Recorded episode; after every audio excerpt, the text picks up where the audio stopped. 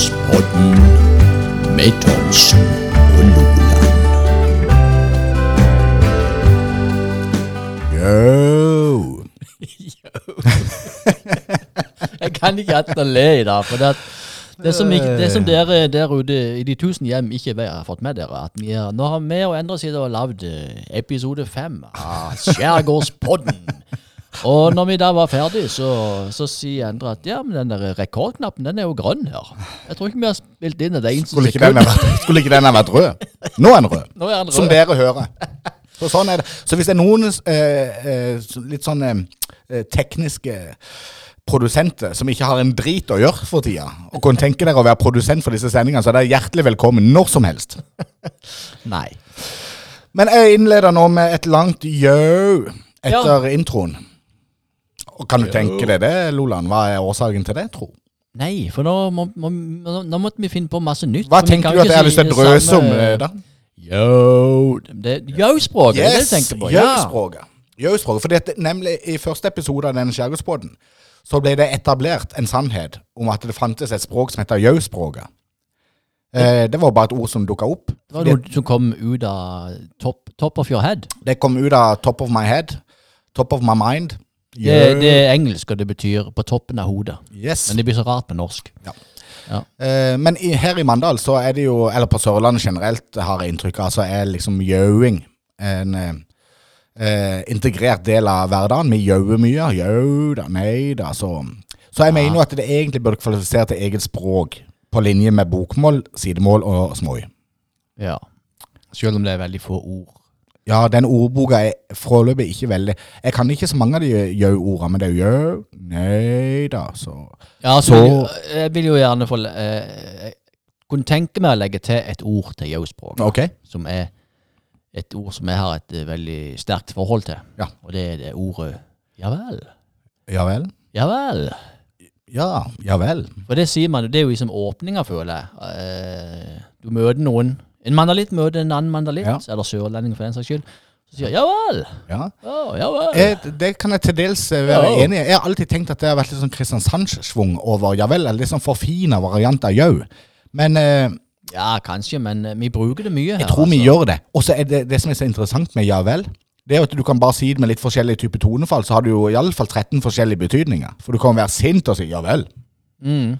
Eller ja vel. Litt sånn spørrende. Mm. Um, og det finnes sikkert mange andre varianter. Ja, du har den der ja vel. Ja, den er jo veldig klassisk. Ja, Ja, ja. ja, Litt sånn oppgitt, eh, lettere Ja, ja, ja. irritert. Og så når du går. Ja vel. Ja vel. Ja, litt sånn laidback. laid back. Det er når du sier når, når du forlater folk. Så. Ja. Vel. men nå begynner denne Neida. ordboka til Jausborg Ja. å bli nokså stor allikevel. For vi kan jo Altså Her er det jo side opp og side ned, bare med betydning av ett ord. Ja. Men er det noen der ute som hører på den podkasten som kjenner seg igjen i dette Jau-språket, så er det hjertelig velkommen til å komme og som en slags Wikipedia, eh, hvor alle får lov til å skrive Så skal vi lage denne ordboka sammen. Nei så... Du, Jeg har et uttrykk jeg har lyst til å ha med i den ordboka, og det har jeg lært av du, eh, i samarbeid med Jan Lengervik. Og det er kanskje det mest mandalske jeg noensinne har hørt i mitt liv, og det uttrykket går sånn. Jau, alt var mye bedre før, men det var verre òg. Ja. Og det syns jeg er utrolig bra, og det er så utrolig mandalsk, for da garderer vi oss fullstendig 100% sterke meninger, men vi er åpne for at det ikke trenger å være så sterkt allikevel. ja, det er litt sånn. Men det er jo ikke Jan Lengervik når jeg tenker meg om som har den. nei, nei. Det er jo Kåre Rognestad. Og det er Kåre Rognestad, Ja, ja. Mm. det har Kåre vært og sa. Nei, han sa jo det, vet du. Han sa ja, det var jo bedre før, vet du, men, ja, men det var verre òg. Men det var litt bedre. Det er nydelig. Det er Kåre. Og man trenger ikke hete Kåre Rognestad for å kunne si det. det de fleste mandalitter kan eh, fint kjenne seg igjen i en sånn type beskrivelse av verden. Ja, ja, ja. For en mandalitt er jo litt sånn at han sier det, det han mener, men så legger han til det motsatte på slutten, bare for å gardere seg. Ja. Vi må, vi må ikke få noen uvenner. Nei, Nei. det er sant. Det er sant. Du, vi skal eh, ha en fin sending i dag. Jeg tror, eh, jeg tror vi skal gjennom mye. Vi vet jo ikke helt ennå, for nå er det jo i starten av sendinga, så vi vet jo ikke helt hvor det bærer hen. Og det er jo det fine med den podkasten, spør du meg. Ja, Det er jo at vi aldri vet helt hvor vi havner. Nei, og så må det jo være sagt at, at vi, noen ganger må vi gjøre det litt bolkevis, for vi skal ha en gjest og sånne forskjellige ting, som vi òg skal ha nå. Eh, så må vi ta det litt bolkevis. Ja, skal vi ha en gjest nå? Nei, Nei, men i men i, senere i sendinga, eller Ja, ja. Og så skal vi ha uh, som vanlig ukens mandalitt. Ja. Ja. Skal vi røpe allerede nå hvem det er? Ja. Men det er jo, det er jo Terje. Det er jo Terje. Det er Terje. Det er Terje Simonsen. Ja, den sagnomsuste forfatteren. Tusen takk for at du tok eh, mitt uh, uttrykk sagnomsuste, så Jeg jeg slapp å si det for mange ganger i løpet av sendingen. Jeg fikk så lyst til å si det. Men Terje Simonsen han er jo en utrolig spennende eh, type. Han er veldig utypisk mandalitt, spør du meg, men, eller sørlending generelt. Han er vidsyn. Har jo skrevet en bok om paranormale fenomener. Ja, og Han er litt i den kategorien uh, Stein Austrud er jo òg i den kategorien. Ja, ja, ja. En uh, sindig, stille mandalitt som er virkelig out there in Yes. the world. Men uh, Så han skal vi bli bedre kjent med i spalten eh, uke, eh, Ukas mandalitt, som vi kan ikke si eh, for mye nå. nei, nei, nei. Og så skal vi jo ha hjerte til hjerte. Mhm. Og så skal vi jo gli over i en historie. Ja, og den kommer vel nå. Den kommer nå. Mandal.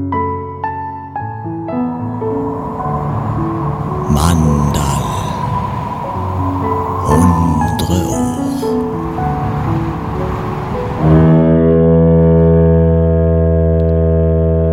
Den togluren der tror jeg det ikke er mulig å bli lei av. Nei, det er like deilig hver gang. Og nå, nå kunne jeg godt ha sagt at eh, jeg er spent på historien i dag. For at, eh, Endre ville ikke si til meg hvilken historie han skulle ha. Eh, men nå kan han jo. Nei, for jeg tenkte det skulle komme Ja. som et sånn overraskelsesfenomen. At du ble tatt litt på senga. Og jeg gjorde- jeg gjorde jo Å gud, så interessant. å være ordentlig sånn eh, Ja. eh, overraska. Og det gjorde jo jeg Ja. når jeg trodde at vi spilte det inn i stad. Ja. Men det er jo ikke sikkert jeg skal ta den historien nå. Jo, jeg skal faktisk det. Det var For gøy. i, i, I introen her så, så, så, så sier jo introen liksom Mandal 100 år. Ja. Og det er jo en sannhet med visse modifikasjoner. For Mandal by er 100 år. Men Mandal som handelssted, og som eh, eh, sånn pulserende handelsvirksomhetssted, det er jo langt lenger enn 100 år. Langt eldre enn 100 år, heter det vel. ja. For det er faktisk mange, mange, mangefoldige 100 år. Og i dagens historie så skal vi langt tilbake i tid. Veldig langt. Hvor langt? Vi skal tilbake til midten av 1500-tallet. Og vi skal snakke om Eller det vil si, vi skal, ja, vi skal snakke om det. For jeg har lyst til å få med deg det litt på denne praten. her. Ja. Vi skal prate om han som av mange er blitt eh, tilkalt Ikke tilkalt, det jeg si. Det blir jo Kom her, kom her! Nei, ikke sånn. Han som av mange har blitt kalt. Vi bare sløyfer til det. ja. Han som av mange har blitt kalt for historiens første mandalitt. Det var det. Nå har jeg lyst til å spørre deg, har du tips om hvem det kan være? Og det gjorde jeg i stad, når vi spilte inn uten at vi spilte inn. Og da hadde du ikke peiling. Det satt med spørsmålstegn.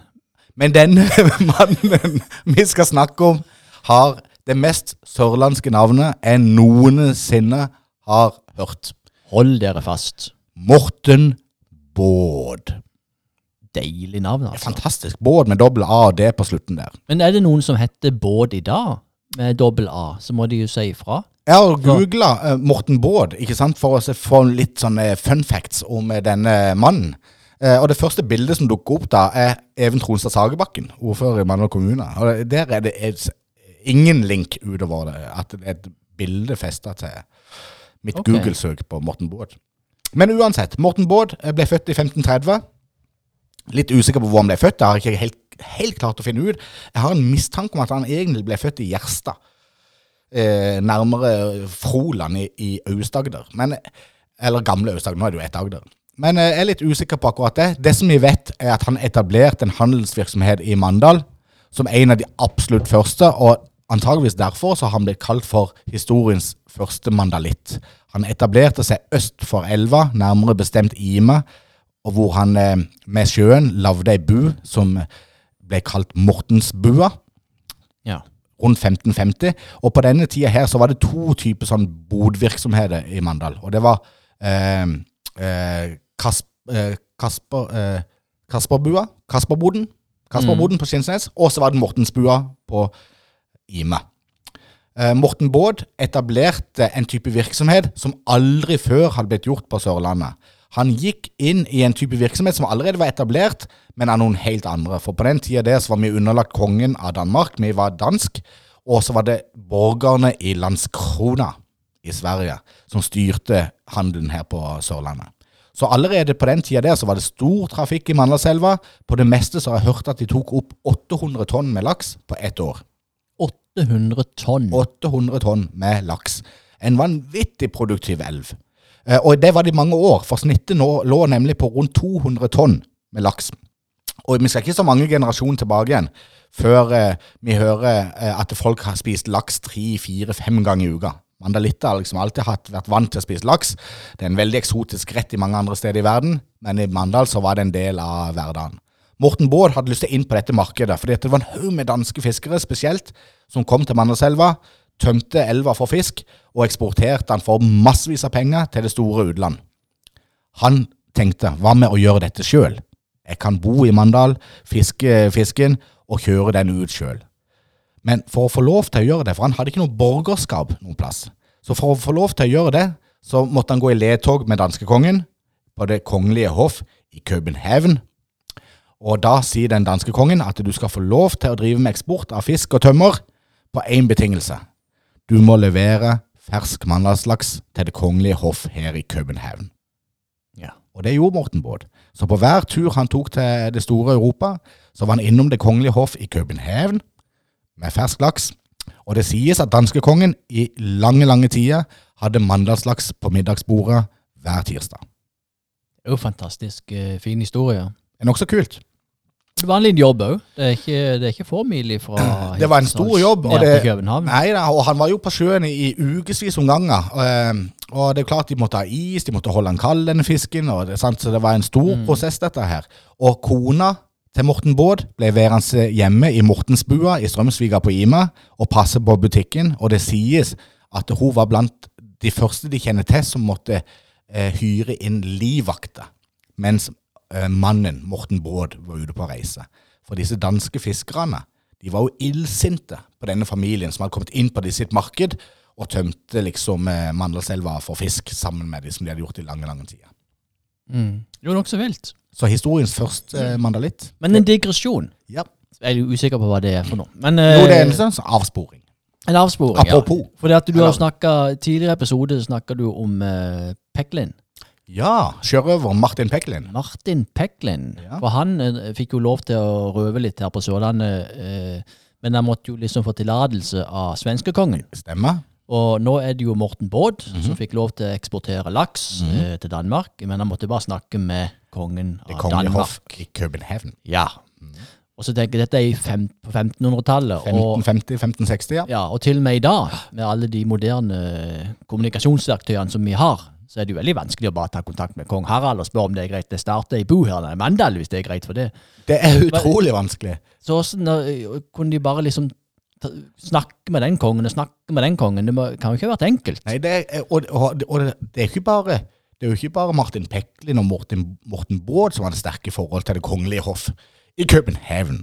I København. Ja, Det er veldig deilig ord å si. Men vi har jo eh, han som er, Vi skal tilbake til han i en annen episode, men kongen av Mandal, Ja, Tørres Christensen Nednes, Det gleder jeg meg til. som lånte ut penger til danskekongen. Det sier jo litt om posisjonen som disse handelsmennene i Mandal hadde på den tida. Det var store virksomheter de drev med.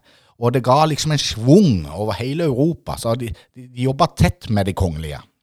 Og dette er jo, det syns jeg er litt eh, stas, for det er et lite stikk til våre uvenner i øst, eller venner, eh, om alt ettersom. Eh, Våre venner i øst, kristiansanderne, som først ble etablert i 1649. 100 år etterpå Morten Baad opererte med stor virksomhet og leverte fersk fisk til Det kongelige hoff i København.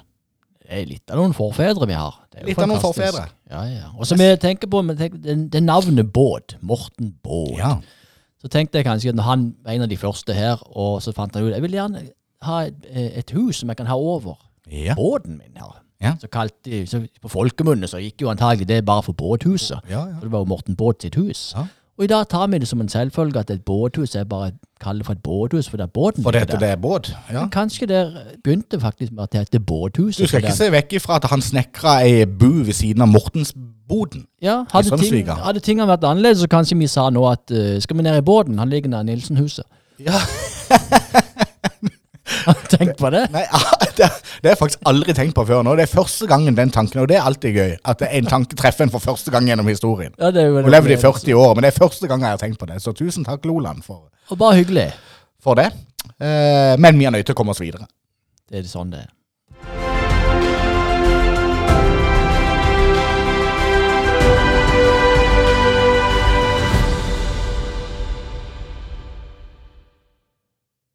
Da var vi kommet oss videre. Ja, Ja. da skal vi drøse litt igjen der. Ferdig med historien. Det var en flott historie. Og så- nå, nå, nå, nå, føler jeg meg litt friere, for nå, når historien går, så er vi liksom litt låst av det den historien. Mm. Eh, men så begynte snakka du litt om kongen av Mandal, og jeg husker på skolen Mm. Hørte- La du merke til det jeg sa? Jeg husker. Ja. Det er ikke mye jeg husker. Nei, det er jo nesten ingenting. Nei, Men, men, jeg husker på skolen spent. Ja. Kongen av Mandal de skulle frakte en del eh, gullmynter, eller mm. sølvmynter. ja. Og så kanta jo denne frakten på I Jobbek. broa. På, I bekken på Jobbek. Ja, og så gikk det til bunns. Ja. Og så var det sånn der Å, skal- tenk hvis det ligger der. Du, Dette må vi komme tilbake til, for dette er en stor greie. Og det sies jo at danskekongen lånte 14 000 riksdaler fra kongen av Mandal. Det er jo helt sjukt. Ja. Eh, og så vet jeg ikke helt hvordan det var. Jeg skal virkelig lese meg opp på dette, og så må jeg snakke med disse IME-folkene. For de kjenner jo veldig godt til denne historien. Men det sies jo at når de skulle leveres tilbake igjen, så mista de denne kista da i Jobbeksbekken. Jobbekken, går det an å si det? Jobbeksbekken. Og den gangen altså var jo Jobbeksbekken var flere hundre meter dyp, så det var jo ikke kjangs til å få det opp igjen. Flere hundre kilometer. ja, og det er jo det som er så fint med de gode gamle historiene, som ikke er så godt dokumentert, er at vi kan jo gjerne dra litt på. Ja, Og hvis vi bare klarer å holde maska der, så kan jo være folk tror på det. For det, det sies jo at en Jobbeksbekken på det meste var 394 km dyp. Vilt. Jeg kjenner jo til Jeg har hørt om folk som fremdeles går med metalldetektor i bekken der og leter etter eh, gullmynter. Det er jo spennende. Jeg vet om andre plasser òg som de går med metalldetektor og finner nokså mye uh, materiell fra andre verdenskrig Ja, ja, ja. eh, som ingen veit om. ja ute i Lunden og ute i Lunden der er det stadig vekk folk som eh, finner eh, både det ene og det andre. Ja, ja, ja. Så det er, det er veldig spennende hvis folk har tilgang til sånn eh, detektors. Det ikke, kan ikke bare løpe på stranda og løpe etter folk som har kasta forlovelsesringen. Det fins mye spennende. Men, ja, det er jo kjempespennende. Og det, egentlig så burde jo dette være noe som man burde investere i til barna våre. For å få de ut i frisk luft. For gud, det er en skattejakt. ja, ja, Tenk ja. på de flotte skattene som vi har liggende rundt i sanda her. eh. Sånn, det kan være både det ene og det andre folk som fra Stavanger og området som var på besøk her på Sjøsand i fjor sommer og har glemt noe i sanda. Ja, Og ja. gifteringer noe ute i Sjøsandsleiren. Vi kan sikkert finne en hel haug. Det burde vært årets eh, julegave hvert år. Metalldetektor til barna. Metalldetektor. Yes. Den får du kjøpt hos Skjærgårdspodden for 2999 kroner. Skal vi begynne å drive med Det det? er så reklameaktig. Altså, jeg tenkte, skulle tro vi solgte Kan du kjøre den en gang til? Detektor, hvis du kjører den sånn fra starten. av. Ja, den kan du kjøre. Metalldetektor. Ja, du, eh, bare hold, eh, hold den eh, praten litt på det metalldetektor. Så kan du øve deg bitte grann. Så skal jeg bare finne den perfekte eh, eh, musikken som Ja. vi legger på når du kjører den reklamen. Skal vi se. Jeg lurer på om vi skal kjøre denne her. Skal vi Nå se går teknikken på høyre Yes. her. Ok, vær så god. Da får du da et, et, historiens første reklameinnslag i Skjærgårdsbåten, og den går til oss sjøl. Nei, vi, vi kan ikke kjøre den. Nei, jeg kan ikke kjøre. Vi kan kjøre eh, Skal vi se Vi Det- Vi er ikke teknikere, så vi gjør alt sjøl. Endre ordner alt. Vi kjører den. Altså. Da kjører vi den. Nei, skal vi se. Nei, skal vi se. Den. Ja, hvis du er interessert i metalldetektor, så kan du kjøpe det på Skjærgårdspodden. I nå til halv pris. Før pris 599. Nå kan du få den for 299. Det blir ikke halv pris, men samme dritten. God jul! Litt kjedelig for Skjærgårdspodden at vi gikk ned 2500 kroner der i fram vi lanserte ideen til han ble gitt på tilbud til 299. Det blir et tapsprosjekt, Ja, så vi skal, vi skal ikke drive mer med handel. Men vi må drive med andre ting. Vi må videre. Ja. Ja da, ja da, ja da. Jeg mener jo det at hvis du har en egen pod, en skjærgårdspod i byen, så bør man snakke lite grann om eh, mer sånn kjente mandalitter som har gjort seg bemerka på, på et vis, kan du si. Syns jeg. Ja, og hva, og hva syns du, da? Og det- det er jo Hvem- akkurat det vi skal. Hvem har gjort seg bemerka nå, da? Og det er, jo, det er jo mange. Det er jo himla mange. Men vi annonserte det jo i starten av denne episoden. Vi Ja. skal til eh, forfatter Terje G. Simonsen. Monsen. Ukens mandalitt forfatter og historiker Terje G. Simonsen. Han sto gjennom våre skjulte evner og har fått en meget høy anerkjennelse i Europa. Og deltatt i en rekke podder og fora. Ukens mandalitt. Mandalitten. Forfatteren av Våre skjulte evner. om paranormale fenomener. Ja. En utrolig interessant type, som jeg har den glede av å møte mange ganger i uka. Og du gjør du det, ja? Ja, jeg gjør det. Han frekventerer kafeene i Mandal eh, på godt gammeldags, tradisjonelt vis. Og sitter han i, på, på kafeen og skriver litt ned på servietter? Jeg har aldri sett han skrive, men han er veldig glad i å dra rundt på kafeene og så snakke med folk. Å ja. Det er en Eh, sosial, eh, ekstrovert eh, forfatter. Spør du han sjøl, så tror jeg han vil eh, kalle seg for spesielt introvert. Å, Men eh, når du møter han i den settinga som kafeene ofte innbyr til, så er han eh, særdeles sosial. Og veldig interessant. Han kan Jeg har aldri møtt et menneske som kan så mye. ja, han er belest. Han er ekstremt belest. Både beskreven og belest. Både beskreven og belest. Og i motsetning til det, så har jeg mistenker jeg at han har en sånn elefanthukommelse. Han husker alt Ja, som han noensinne har blitt fortalt eller lest. Akkurat som du. Ja, jeg husker ikke alt, men eh, jeg husker mer enn det. Du husker bruddstykkene. Det, det er kanskje mer med det. Men han, er, han ble jo for, for første gang Jeg, ble, jeg visste hvem Terje Simonsen var. Det var jo denne boka. Ja. 'Våre skjulte evner'. Mm. Og den har jo blitt eh, oversatt til Mange språk allerede. mange språk. Ja. Og solgt i bøtter og spann. Og han er nylig oversatt til tsjekkisk. Wow. Antageligvis den første mandalsforfatteren gjennom historien som er blitt oversatt til tsjekkisk. Jeg har ikke hørt om noen andre. Jeg har hørt om noen andre nordmenn, deriblant Jo Nesbø, som har gjort det stort i Tsjekkia. Ja, så er enda en sånn mandalitt som gjør det så, eh, mye større enn vi klarer å tenke oss til. Mye, mye, mye større. Han er sammenligna litt med disse her metal-bandene i Ja, Mandal. ja, ja, ja. Metal, så hardrock, har jo alltid stått veldig sterkt i Mandals musikkultur. Og vi har jo hatt noen band som Communic, eksempel, med Oddleif Steinsland. Som blir omfavna nede i Tyskland og rundt i Europa. Det er jo helt vilt. Jeg arrangerte en konsert en gang på Sjøboden med Communic. Plass til 90 stykk. Og så hagler det inn mail fra folk i Sveits og Østerrike som ikke får tak i billetter. Det er jo helt sjukt. Det er så vidt. Så, så vi har liksom noen sånn Og jeg har en mistanke om å dra denne digresjonen enda lenger, da. Hvis vi går tilbake langt i tid, når vi ser på malerne våre. Eh, med eh, Adolf Tidemann og noen av våre virkelig store. Så Mm. er, de er mye større enn det vi, vi liker å egentlig titulere de som. Vi, vi tar litt lett på det. Da. Ja da, de var jo gode, de er flinke til å male. Ja. Fått ei bro oppkalt etter seg sånn. Og så er du i Oslo, og så går jeg... du inn i Vigelandsparken, Ja. og så står du og ser på dette, og så tenker du ja, Ja. det var, det var jo greit de hadde satt opp her. Så der er jo Terje G. Simonsen òg. Jeg tror den G-en Jeg lurer på han står for Gud, Gudetti, Gudetti eller et eller annet sånt. Utrolig sånn eh, Han bruker ikke det navnet så veldig mye, og det skjønner jeg ikke helt hvorfor, for det er jo veldig sånn eh, Hva heter det? Eksotisk? Ja, og, og sånn verdensomspennende. Yes, litt sånn italiano. Men han er ikke en mandalitt uh, som har bodd i Mandal hele tida. Han har ikke bodd i Mandal hele tida. Han har bodd store deler av sitt voksne Han er jo født og oppvokst i Mandal. Ja. Eh, på Vestnes. Eh, var medlem eh, tidlig Han, han har liksom eh, Sånn som jeg har forstått det, så har han liksom alltid vært eh, liksom medlem av liksom borgerskapet i Familien hans, sin, eh, og den Bessesen-familien, som er jo i samme familie. Eh, veldig aktiv i politikk og i kunst og musikkmiljø. Og han er jo en engel, altså, han spiller jo piano som en engel. Det er jo noe som man husker. Han kan bare høre et stykke piano, så er han ikke han er jo ikke liksom utdannet pianist. Man kan høre et gammelt jazzstykke fra 70-tallet, nei, fra 1920-tallet fra Hellas, og så spiller han det bare. Vi må jo få han inn som eh, en gjest i studio på et tidspunkt. Utrolig spennende fyr. gøy. Og så gjorde jeg et lite gøyt sånn et søk på Spotify. Men for jeg må stoppe deg litt først. Eh, for jeg sa han har jo ikke alltid bodd i Mandal. Nei, han Men hvilken Oslo. storby Ja, det var Oslo, ja. Akkurat som Gustav. Vigeland og gjengen. Liksom. Ja.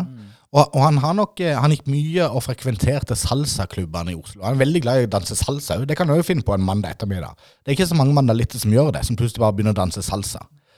Men det gjør Terje Simonsen. Utrolig frilynt på en måte, også litt sånn ekstrovert på ei side, og så litt introvert på en annen side. Så han har mange sider, denne forfatteren. Og Nå har han eh, bosatt seg i Mandal igjen. nå har han bosatt seg i Mandal igjen, og denne boka, hans, for å gå litt tilbake til den, så er jo det en, eh, en tjukk bok, jeg lurer på han er på 500-600 sider. Han har jo oversatt den selv til engelsk. Bare det i seg selv er jo en prestasjon. Ja. Eh, han har en veldig eh, drøm om at den skal bli utgitt på spansk. Det er visstnok verdens mest leste eh, tekstspråk. Eh, og nedover i Sør-Amerika sånn, så er dette med paranormale fenomener sånn veldig populært. Så det jobbes med, altså denne boka jobbes det med ennå? Den jobbes altså, det med kontinuerlig, og jeg tror den har gitt ut i flere eh, utgaver. Ja. Så- promoteringsjobbing. For det er jo flere år siden den kom ut. Det er flere år siden han kom ut, og han eh, driver aktivt på med denne. Og jeg gjorde jo et artig lite søk uh, på eh, Terje Simonsen på Spotify. Og eh, det viser seg jo at han medvirker jo på Det er noen som ringer i bakgrunnen her. Det er Telefon som ringer. En sånn, sånn gammeldags telefonlyd òg. Har du det på din telefon? Ja, det er nok med. Beklager. Jeg pleier å være på lydløs, men det var ikke det i dag. Nei, men jeg gjorde et søk på Spotify. Post Terje Simonsen. Ja. Han er ikke noen musiker, men jeg tenkte jeg skal søke på Terje Simonsen her òg. Og så lastes det jo opp side opp og side ned med hans sitt navn. For han har jo medvirka selvfølgelig på en haug med podkaster. Og noen av podkastene, altså amerikanske podkaster som har millionvis av lyttere, der er Terje Simonsen gjest. Det, det er Som den største selvfølge. Altså, til og med når, når mandalitter blir verdenskjente, Ja. så er de fortsatt mandalitter. Ja. Å nei, jeg har ikke gjort det Jeg Nei. Jeg sier det mest hjemme. Og for å løfte han litt fram, han har fått noen priser òg. Nå har jeg ikke lest meg he- veldig opp på hva disse prisene er, men noen av disse prisene regnes liksom som noe av det gjeveste du kan få innenfor den type litteratur. Sant? Så en, på en måte en slags nobelpris på sitt felt har han mottatt. Blitt invitert til det store utland for å fortelle om dette her, og regnes som en av de største ekspertene vi har på paranormale fenomener. Er vi helt, er vi helt, helt oppe i sagnomsust? Vi er definitivt oppe i sagnomsust allerede, så det var godt vi fikk pressa inn den igjen. Men det er gøy, da, for jeg, altså, jeg, jeg møtte jo Terje Simonsen akkurat idet han kom tilbake til Mandal. Ja. Kanskje en litt påstand, da, men fordi han, han kom hjem til Mandal for hans mor ble syk. Ja, og da snakker vi fort en 13-14 år tilbake i tid, tenker jeg. Ja, eh, hvor jeg jobba litt med å montere klimaanlegg hjemme hos folk. Og, og da møtte jeg han, og da visste ikke jeg hvem han var. Nei. Men jeg merka at han, han, han hadde sin egne måte å, å ordne ting på. For det ble jo litt Ja. veldig mye logistikkproblemer. For det var ikke noe greit at jeg var der på dagen, for da, da skulle han sove. Ja, for han, vil, han var helst våken om natta. Ja. For dette var jo midt under, under OL i i Kina, så vidt som jeg kan huske. Og, og da gikk jo det på natta, de sendingene der. Og da måtte jo han sove på dagen. Ja, ja. Da passa det ikke noe greit at det kom. Vi hadde jo en hel svare strev her med å Så det var ikke en formiddagsjobb å sette opp den varmepumpa? Nei. Men han var en veldig artig er person å bli kjent med. Jo. Men så, han er litt sånn type, sånn som jeg kjenner han da. Han er litt sånn utradisjonell i stilen.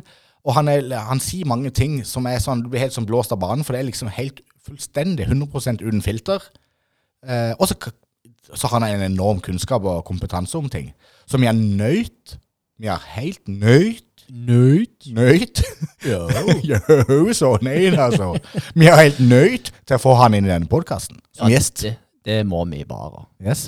Men inntil da så eh, må vi komme oss litt eh, videre i denne sendingen. Så weiter und weiter.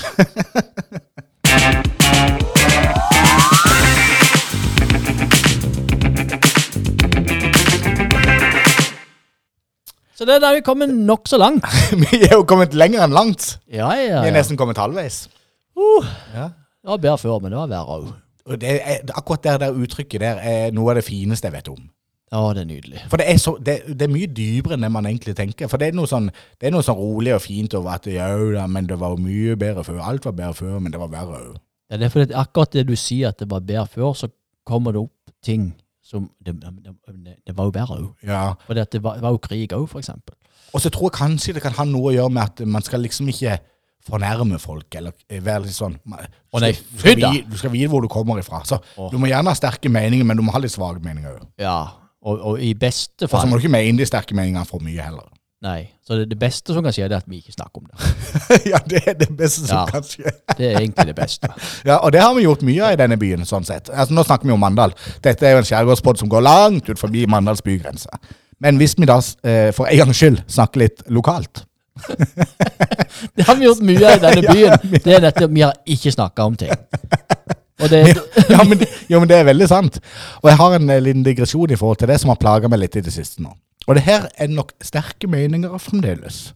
ja. Men under krigen, fra 1940 til 1945, Fortell. som er en vesentlig stor del av egentlig Mandals bys historie de siste 100 årene, hvis man tar for seg de 100 årene som vi skal gjøre i show til høsten, Ja. så er det jo fem år der. Og er ikke det ikke fem år av 100 år, er ikke det 5 uh, Jo. Ja. Det er jo det. Vi driver ikke noe regnskapskontor, men vi kan være enige Men det er jo en viktig del av Mandals historie. Og så slår det meg, når jeg leser Mandal bys historie, bind 1, 2, 3, at alle ordførerne som har vært i Mandal siden 1921, eh, er listet opp Mm. Med navn og nummer? med navn og nummer, men ikke de som var ordførere under krigen. Nei, de var det mange. Det var tre, ettersom eh, jeg kan huske. Tre forskjellige ordførere under krigen. Under krigen. Og i Mandal bys historie så står det bare at de er innsatt av Innenriksdepartementet. Og jeg lurer litt på hvorfor. Eh, Det kan ha vært flere årsaker til det, men jeg tror kanskje at de er utelatt å skrive med navn fordi det var liksom betent. Ikke sant? For disse var jo nazister. De var jo satt inn av nazistene, selvfølgelig. ja, ja, ja. ja. Altså, de var jo sympatisører. Det skal vi ikke snakke om. Jeg tror vi bare avslutter dette her, her nå. Akkurat. Dette skal det- vi ikke snakke om! Men så er det mange som har opplevd at de som er barn på 50-60-tallet, liksom Det ble jo ikke snakk om da heller, at disse som var nazister og angivere og sånn, de, de levde jo ved siden av hverandre etterpå krigen og klippa plenen, og så hilste de bare ikke på hverandre. Og så fikk bare barna beskjed om hvem de fikk lov til å leke med, og hvem de ikke fikk lov til å leke med. Hvorfor kan jeg ikke leke med de? Det skal vi ikke snakke om. Det skal vi ikke snakke om. Veldig antimandalske vi er blitt. Vi skal bare begynne å snakke om det. Ja, altså egentlig så burde vi ikke snakke mer om dette her. Nei, Vi bare gir oss. Nei, det kommer opp igjen.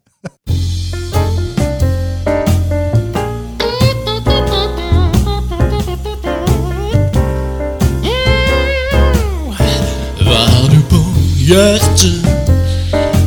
Endre Thomsen. Mm, hva har du på hjertet, gamle Loland-mann?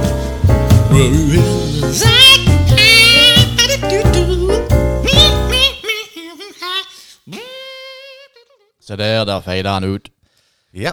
Hjerte fra hjerte til hjerte. Hjert, med hjertet i hånda. Ja. Det er mye med disse hjertene. Jeg får også en assosiasjon til det der med hjertet på rette staden.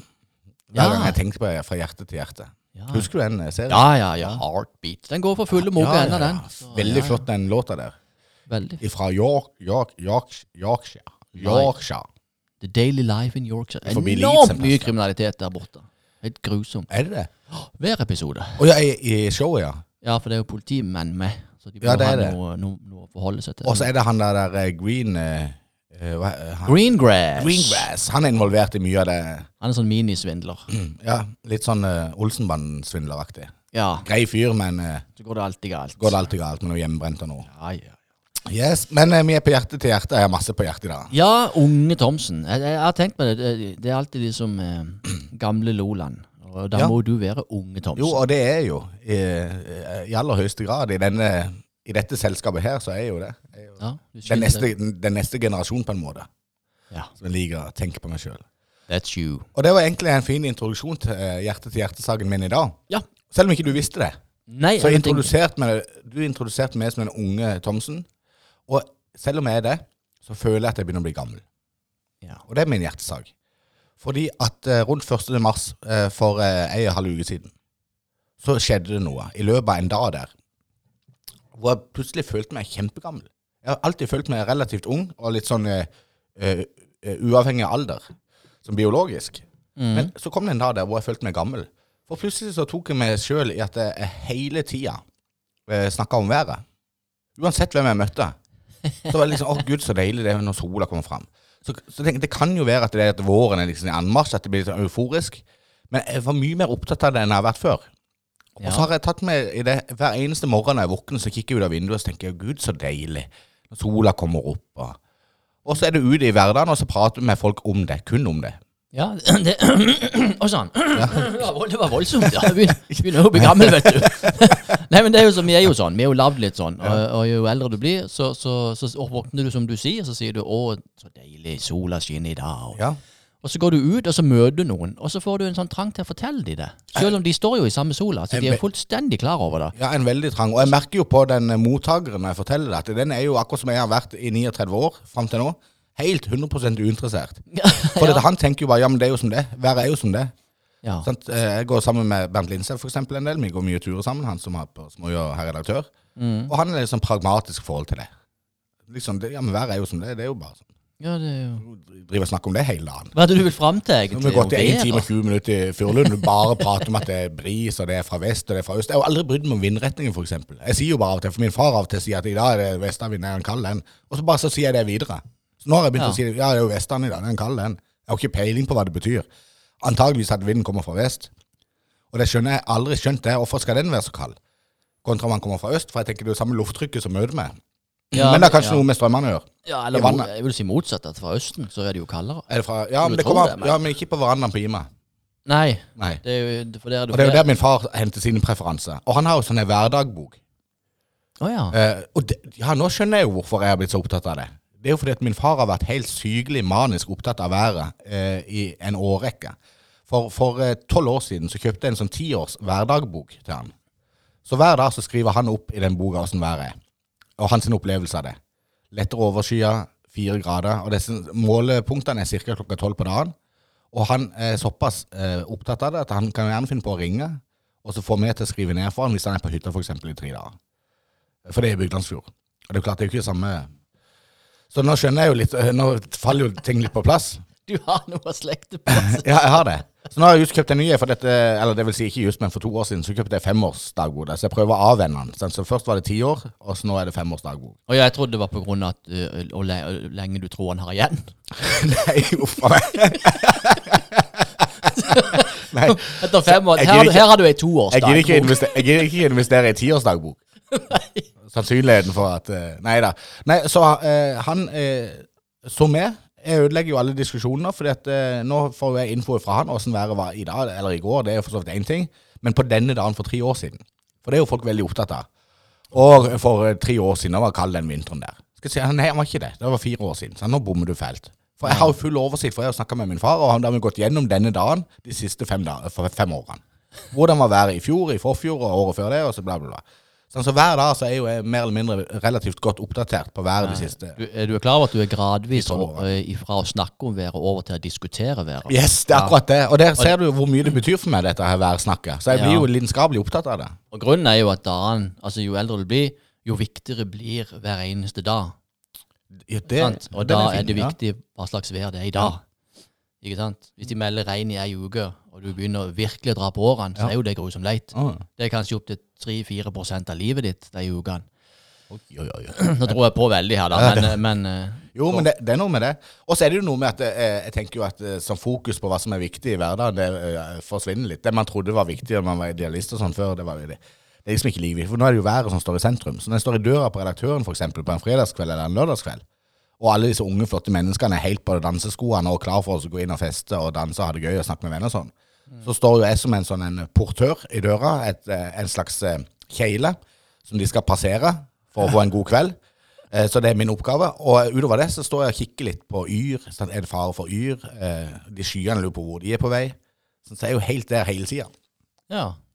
Så du tar imot ungdommene når de kommer i døra, så sier du 'velkommen til herr redaktør'. eh, Har du i det? Eh, har du i det? Eh, forresten, så utover kvelden nå, så vil det bli litt grann yr. Eh, hvis du skal hjemover sånn i totida, så bør du på deg god jakke. Og... Men heldigvis, så heldigvis så klarer han det opp i morgen. Så legger jeg trykk på det jakke. Så tar du på deg god jakken. Helst en vanntett jakke. Du kan få kjøpt en her på Sport1 til Norge. Den koster bare 9469 kroner i dag. Thank you. Det var flott. Ja, så, så det var min hjertesak. Det var hjertesaken at du uh, Men kan du kjenne deg igjen i det? Er det sånn at uh, Jeg føler jeg fikk en relativt grei støtte her nå fra en mann som er uh, nokså mye eldre, om at Ja, dette er bare noe som skjer. Jeg tar meg sjøl i å ikke snakke om været. Altså at eh, jeg lar være. Jeg, jeg merker at jeg skal til å si noe, så sier jeg til meg sjøl hold meg kjeft. Det må nå være andre ting å snakke om. så, så ja, definitivt det kommer. Ja. Ja, er min hjertesak, ja. Det var egentlig det altså, som jeg sa her når vi møttes, at jeg tror ikke jeg har noen hjertesak i dag. Men selvfølgelig har man jo det. Du har Man har jo alltid en hjertesak. Men som, som du sier, det er jo en hjertesak, det òg. Mm. Det er lov, det òg. Og var, så tenkte jeg, ja, da, da er det hjertesaken, egentlig. For eh, det er jo så mye Uten at vi skal gå inn på det, så er det jo mye trist rundt i, i verden for tida, og i Norge og rundt forbi. Ja, det er en trend. Ja, det, ja så det, Men denne podden er jo et, et fristed. Det er akkurat det. Det, det. er jo en glede. Det er jo glede, Dette er jo egentlig et resultat av at verden er litt trist innimellom. Sånn, så kommer det, så blir det provosert fram sånn Ja. arena som dette. Absolutt. Og her som vi sitter, da, som vi kaller for Gledeshuset, Ja. Her er det optimisme og, å spore. Og det det Vi har kalt det for Gledeshus i halvannen uke nå. Ja. Eh, Og det er gøy, for vi, vi sier det jo ofte til hverandre. Jeg er jo til gode, jeg er jo ingen andre som sier det ennå, så vi prøver å få etablert dette i miljøet vi lever i. det er, jo, det er jo en kamp, men uh, vi gir oss ikke. Neida. Ja. Så var det jo, jo, hjertesak. Ja, så var det jo det at, eh, at min hjertesak var egentlig at det skjer mye dritt, men det er lov å, det er lov å ha det greit òg. Ja. det er viktig. Ja. Som vi snakka om at eh, man må ikke se for mye på nyheter, for man blir jo, det blir jo destruktivt. ja, det gjør det jo. Det er greit å få med seg ting, men man trenger ikke å overspise eh, negative nyheter. For det, det preger deg der ute du lytter. Det preger deg. Så prøv å holde deg litt vekk òg. Og, og fokusere på å ha det greit. Ja, ja. Gå på hytta og, og reise en tur eh, med familien på Sverige, eller jeg vet ikke hva folk gjør. Men Man skal iallfall ikke gå rundt av dårlig samvittighet fordi at verden er litt trist. Nei, man kan ikke det. For det skjer jo noe dritt i verden hele tida. Så vær, vær glad og, og positiv. Og, og finn på ting som løfter deg opp, så ikke du blir dratt langt ned i, i fjæra, som de sier. Jeg kunne ikke vært mer enig i den. Jeg syns det var en god hjertesak, det. Jon Ja. Har du noe å tilføye på den? Nei, men jeg tror jo det er noe som Digre, du pleier alltid ha en, dig, en Ja, samnung, den, de sam, sagnomsuste digresjonene Jo, dine, Thomsen. Hvor er det hen? Nei, men jeg må bare nikke anerkjennelse til hjertesukket ditt. For at jeg er jo helt enig. Jeg har kutta ut nyheter i en periode nå. Så jeg, jeg, eh, på en måte så føler jeg meg jo superegoistisk, for at jeg får ikke med meg det som foregår i verden av krig og elendighet. Men samtidig så er det så viktig for meg at jeg distanserer meg fra det. For jeg kan jo ikke bruke Hvis vi skal drive, oss, eh, hvis vi skal drive en eh, sagnomsust og vellykka podkast, som vi nå gjør, Ja. da kan jo ikke jeg bruke tolv timer i døgnet på å tenke på ting som vi ikke kan kontrollere, som foregår rundt forbi verden. For det er jo stort sett bare ting som ikke vi kan kontrollere. Jeg kan jo ikke eh, styre eh, Donald Trumps sin, eh, Twitter-konto, på en måte. Nei, du kan ikke Eller whatsoever. Sant? Men altså, skal jeg liksom forholde meg til det? Skal jeg gå rundt og tenke på det? liksom? Det, Jeg tror dette, er et- dette, kan være, Vi kan være inne på uh, litt grann touch inne på ilandsproblemer. det er det jo. At vi har det så godt. Ja. At, at både barn og ungdom og alle skal hele tida fortelles ja, vi har det godt, men er dere klar over hvor godt dere har det? Yes, det er akkurat. mø, mange Ja. som ikke har det sånn som dere har det. Så vi ikke skal sant? ha dårlig samvittighet for det. Ja, og så blir det et, kanskje et problem for folk at de får sånn en eh, indre konflikt. Ja. Ja. Høye- godt sagt. Høye strømpriser, dyr bensin og sånne type greier. Og så skal man liksom Ja ja, men vi har det jo tross alt så bra her. For vi er ikke i krig. Ja, for vi har jo tak over hodet. Ja. Men det er nokså krevende for folk òg, sånn eh, økonomisk for tida, med eh, rente som stiger, og eh, bensinpriser som øker, strømpriser. Sant? Og det er helt ok. Du skal få lov til å være litt trist for det. Trist og frustrert, men husk å unne deg noe. Ja. Som de gamle sa, må jeg huske på det når jeg var liten, når, når det var julaften, så var vi så glad, for da fikk vi en appelsin fikk vi da på julaften. Og vi var så heidundrende glad hele romjula. Og på nyttårsaften, da skulle vi få en banan! Så glad ble de.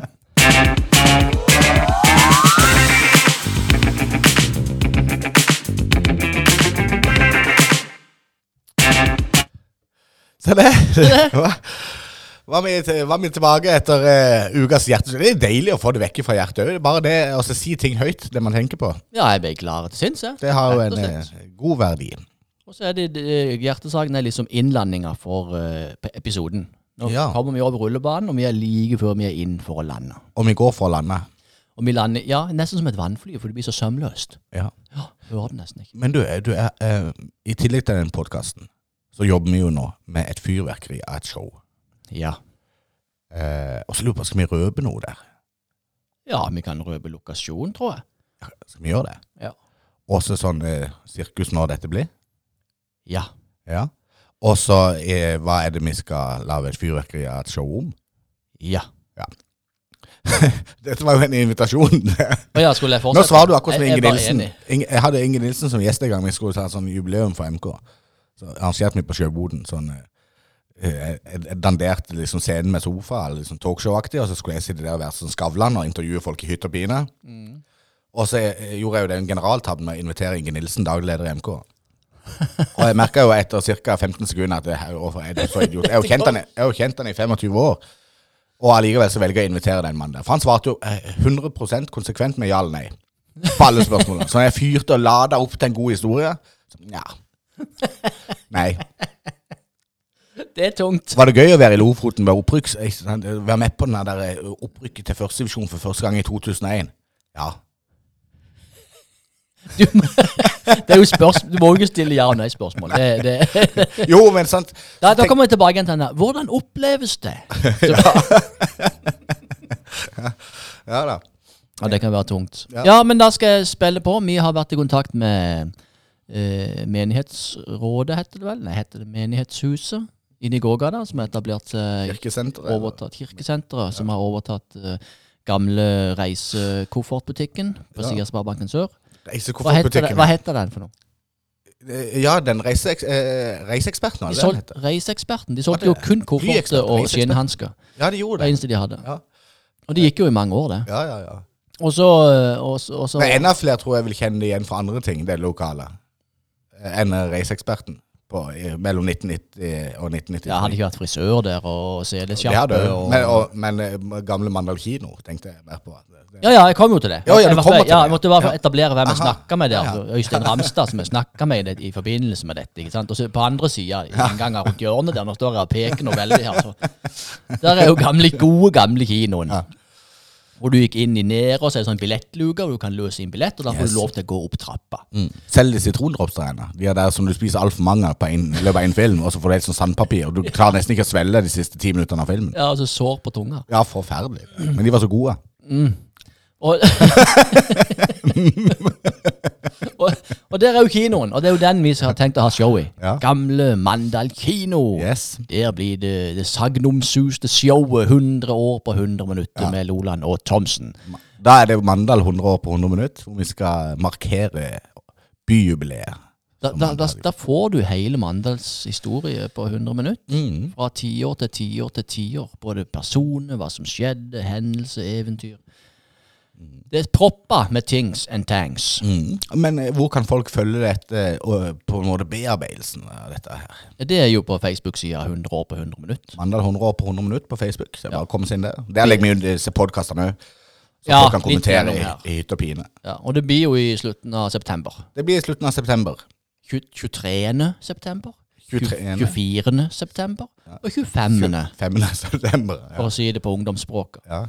Ellers hadde jeg sagt, ellers hadde jeg sagt 23. Vi sier jo 3, Hvor mye skal du ha? 23. ja. Det skjønner ikke ungdommen. Nei. Det heter jo 23. 23. Ja. 23, ikke 23. 23. Ja. Så nå hadde jeg fått det med. da. 23., 24., 25. september i Mandal kino. Eh, Sagnomsust show. Mhm. Og må bare oppleves. Og en ting til. Aner ikke hvor billettene kan kjøpes. Nei. Og de er jo ikke lagt ut ennå. Nei, Det kommer jo. Det Det, er jo bare å følge med på podden og Facebook-sida. Ja, det er det. som skjer. Så. Men eh, de, de må skaffe seg de billettene der. Og det blir jo et show som ikke verden egentlig har sett magen til. Sånn synes ut Nå har jeg bare vært med litt i kulissene og sett hva som foregår, og det er jo helt enestående, for å si det mildt. Ja, det er ekstreme mengder med folk involvert.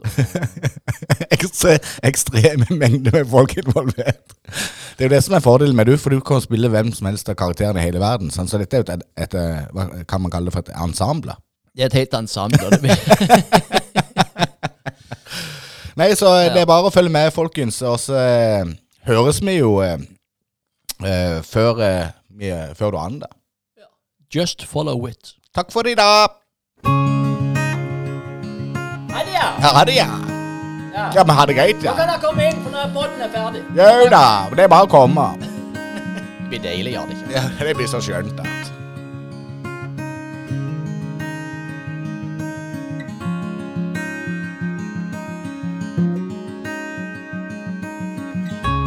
Skjærgårdsbåten skal nå lyve.